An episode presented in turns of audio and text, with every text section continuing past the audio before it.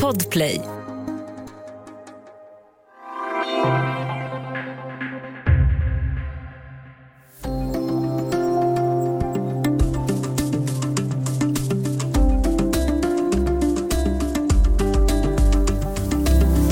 Trots pandemin som osäkerhetsfaktor så laddar nu landets teatrar för höstprogrammet.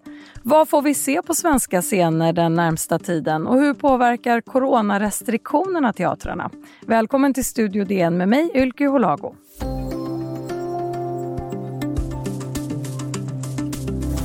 Och med mig idag har jag Johan Hilton från DNs kulturredaktion. Hej!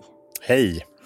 Vi ska ju prata om höstens teaterutbud och du ska få ge dina bästa tips. Men först så måste jag fråga om pandemirestriktionerna. Du ställde i en text i DN frågan om scenerna verkligen kommer att öppna i höst och så besvarade du den själv med att du citat inte skulle sätta din morsa i pant i den frågan. Varför då? Nej, men därför att det inte i längden går att Eh, bedriva en verksamhet som i praktiken bara öppnar upp för en fjärdedel av publiken. Det bär helt enkelt inte kostnaderna. Visserligen, jag tror absolut att teatrarna kommer att öppna i höst, men frågan är snarare hur länge de kommer att kunna bedriva verksamhet så som det ser ut nu. Eh, med tanke på att det är liksom dubbla restriktioner som, som drabbar teatrarna och, eh, och andra liksom verksamheter också, till exempel som dans och, och opera och fotboll och så vidare. Nämligen eh, max 300 sittande publik eh, inomhus och där till ett avstånd på en meter. Och det gör ju så som eh, alltså, våra teatersalonger kan kännas stora, men de är i själva verket relativt eh, få. Eh, så med de, två, eh, de dubbla restriktionerna så blir det eh, i praktiken helt omöjligt att fylla, fylla salongerna. Eh, och det innebär också betydande ekonomiska risker att öppna teatrar just nu. Så att läget är väldigt osäkert och beroende på huruvida det blir en, en eh, fjärde våg eh, eller, eller ökad smittspridning och eh, eh, vidare nyckfulla restriktioner så är, det, så är det en rejäl balansakt. Om man kollar då på själva besökarperspektivet och smittoriskerna, hur ser du på det? Hur ser riskläget ut? Eh, det är klart att det finns ett riskläge. Sen måste jag säga redan förra hösten så ställde jag mig lite frågande eh, inför, inför just eh, restriktionerna, att, att den, de så entydigt drabbade kultur livet. Eh, jag var på en föreställning till exempel i Uppsala och senare, även på Dramaten, eh, på Stadsteatern, eh, där eh, avståndet trots allt hölls och där teatern var oerhört noggranna med att placera ut publiken. På Uppsala stadsteater kommer jag ihåg till och med att vi fick gå i liksom särskilda gångar för att inte stöta på varandra. Jag fick inte sitta bredvid min man, så pass eh, försiktiga var man. Så att jag skulle inte bedöma i nuläget att teatrar är Eh, är särskilt, är, utgör liksom någon större eh, hälsofara. Eh, men men eh, återigen, det är ju det ekonomiska perspektivet som, som, som kommer emellan där. Det här, är liksom, det här är inte hållbart på sikt och därför kommer också förr eller senare, gissar jag, eh, beroende på hur mycket i händerna vi kommer ligga liksom, alltså på, på eh, restriktionerna, att vara tvungna att införa ett vaccinpass. Eller eh, liksom ett, ett, ett vaccinbevis. Hur skulle man kunna komma åt den här problematiken? Eh, den ekonomiska aspekten som du tar upp här, hur skulle man kunna komma åt den? Det, det, finns ju fortfarande stödsystem och fortfarande så, så, fördelas ju pengar till teatrarna i krisstöd. Men det är ju också någonting som inte kan pågå i all evinnerlighet. Och där eh, alltså de, de skattefinansierade scenerna har ju, alltså för, för dem är ju inte läget lika akut som det är för de, framförallt för de privata teatrarna, för där är det, där är det verkligt krisläge.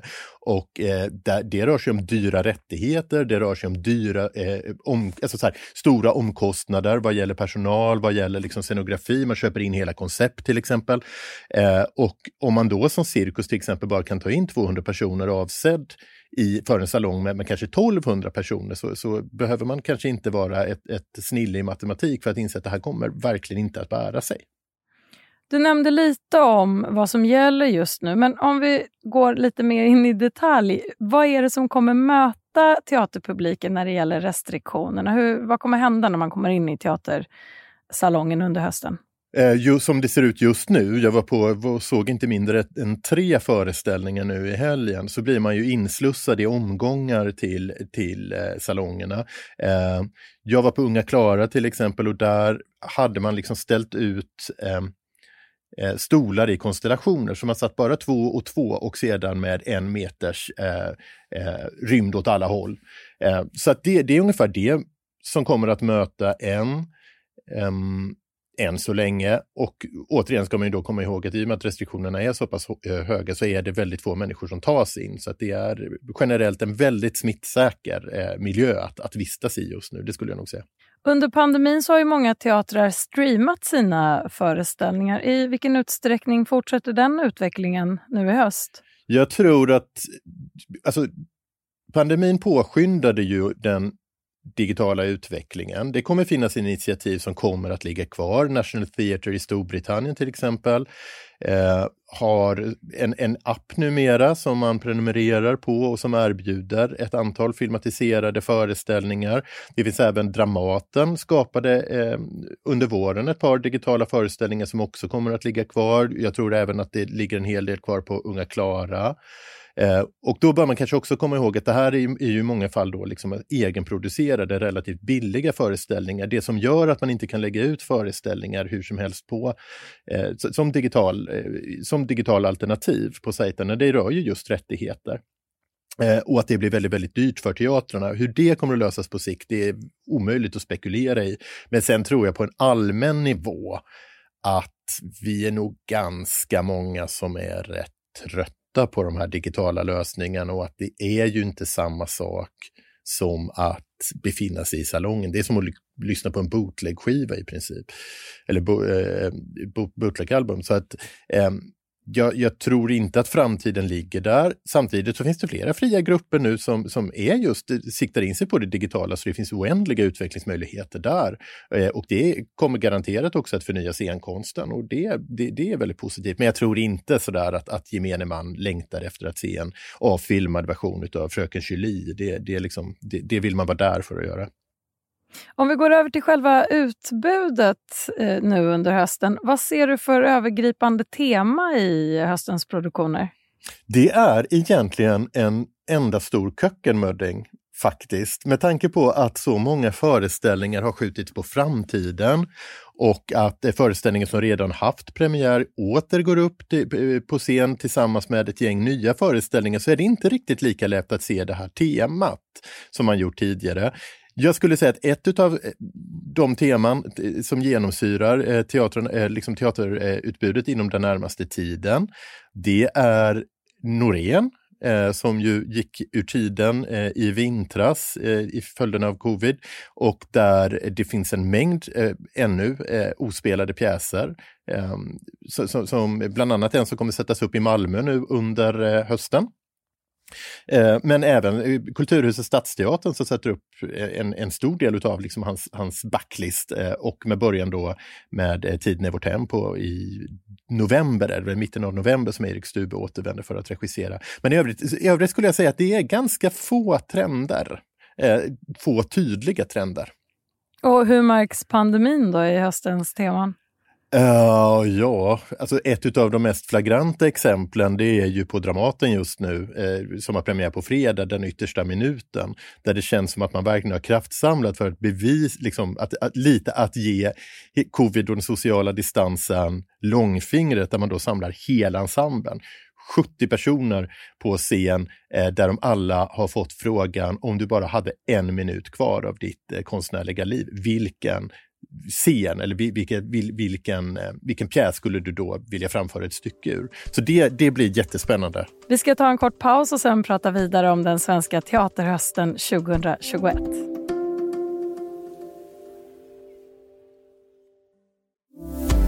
Du lyssnar på Studio DN idag med Johan Hilton som guidar oss i teaterhösten 2021. Johan, du har ju valt ut tio favoriter favoriter i DN Kultur. Och nummer sju på din lista är Mammorna som bygger på Alexandra Pascalidos reportagebok där hon intervjuar mammor till pojkar som har skjutits till döds i de senaste årens gängkonflikter. Vad har du för förväntningar på den pjäsen? Först och främst måste jag ju säga att det är helt otroligt att den hamnar så rätt i tiden. Den var ju planerad till redan förra året om jag inte minns fel. Eh, men som då alltså pandemin gjorde att, att den fick skjutas på framtiden och så kommer den nu mitt i debatten. Så jag kan inte tänka mig någon mer brännande aktuell föreställning än just eh, Mammorna. Regisserad av Sunil Munshi. Då, den, den, I och med att det är Riksteatern så kommer den också gå ut på turné i hela landet. Så vad jag förväntar mig där är, precis som Alexandra Pascalidos bok, en, en skakande och, eh, och djupt humanistisk föreställning. Och dessutom så är det eh, fyra otroliga skådespelerskor som, som eh, spelar rollerna. Katarina Larsson, Maria Salah, eh, Lo Kauppi och Gloria Tapia. Så det, det kommer bli ytterst intressant att se. Hur tror du att eh, själva scengestaltningen kommer att göra sig i en fråga som vi diskuterar dagligen?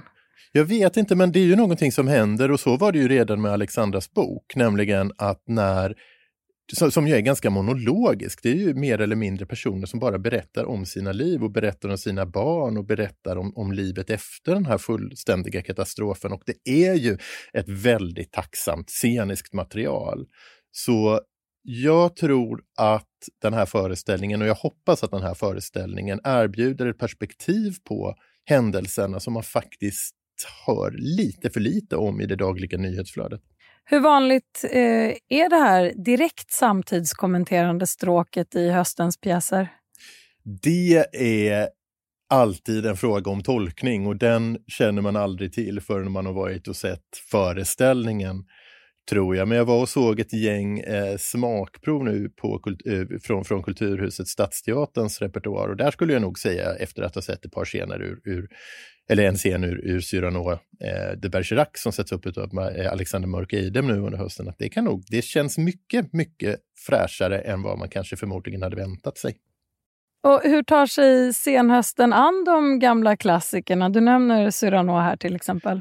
Jag skulle nog säga att det är med en, eh, en, en frisk aptit på att just etablera klassikerna i sin nutid. Jag ser till exempel väldigt mycket fram emot Melody Parkers iscensättning utav Svindlande höjder i Uppsala i vinter med, eh, med Angelica Knapp i huvudrollen som Kathy.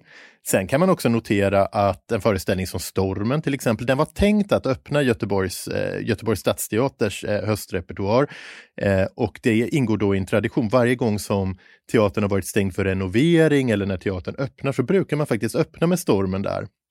Eh, men det här kommer ju vara en helt otraditionell föreställning så vitt jag förstår som sätts upp utav eh, upphovspersonerna bakom ett Instagramkonto som var väldigt populärt för några år sedan som hette Olika personer. Eh, tre eh, rätt unga göteborgare som, som med liksom haft en ganska så här exakt tonträff eh, i personer de imiterar eller gestaltar och som tidigare satt upp föreställningar på Brunnsgatan 4 till exempel. Så där kommer nog bli någonting helt eget skulle jag tro. Och sen har vi då som jag nämnde Cyrano de Bergerac. Det är ju liksom, det är en eh, över hundra år gammal pjäs eh, som utspelar sig på 16, 1600-talet eh, och skrivet på liksom vers.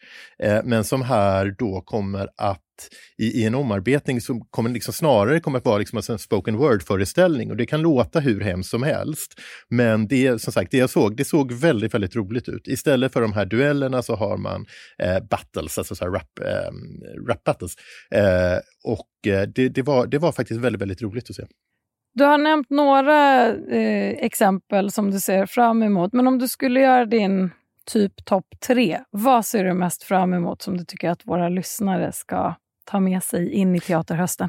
Jag ser jättemycket fram emot eh, regissören Carolina Frändes samarbete med eh, dramatikern och skådespelaren Staffan Göte eh, som är närmast odödliggjord med sin eh, klassiska pjäs En uppstoppad hund som hade premiär i början på eh, 1980-talet. De kommer göra två föreställningar. Den första föreställningen heter Rann, heter egentligen något annat eh, och spelas på Uppsala stadsteater och har premiär nu i september.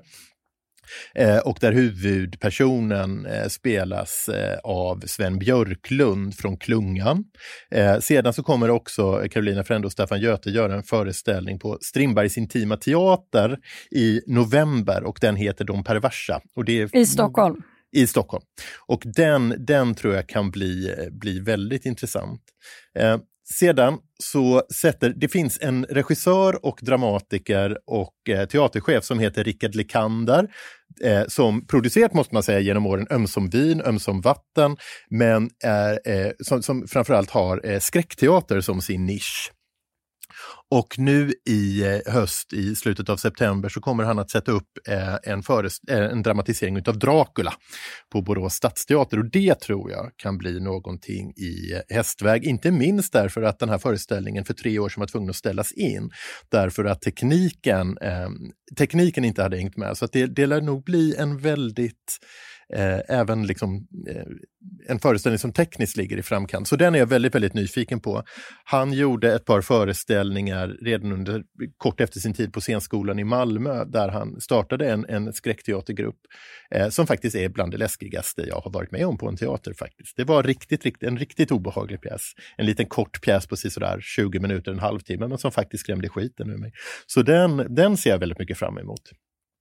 Och sedan vad gäller trender, om det finns en trend så är det väl att gamla 90 och tidiga 00-tals ikoner dras upp på scen nu.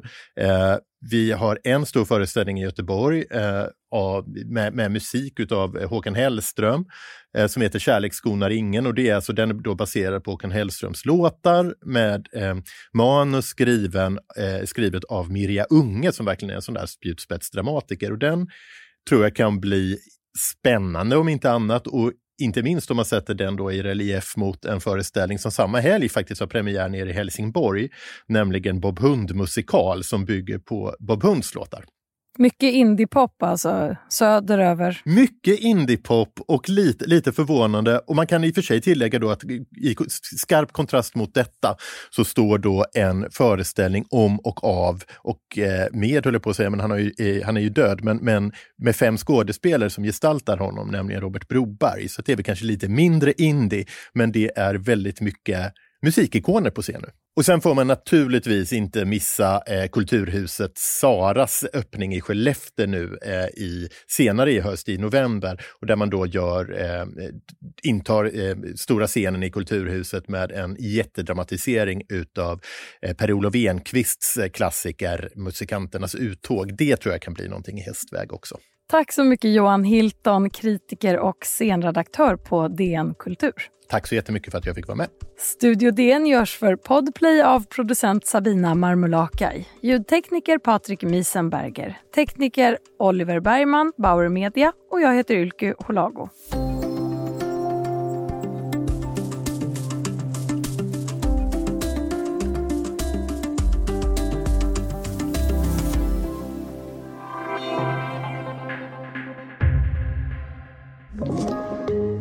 Podplay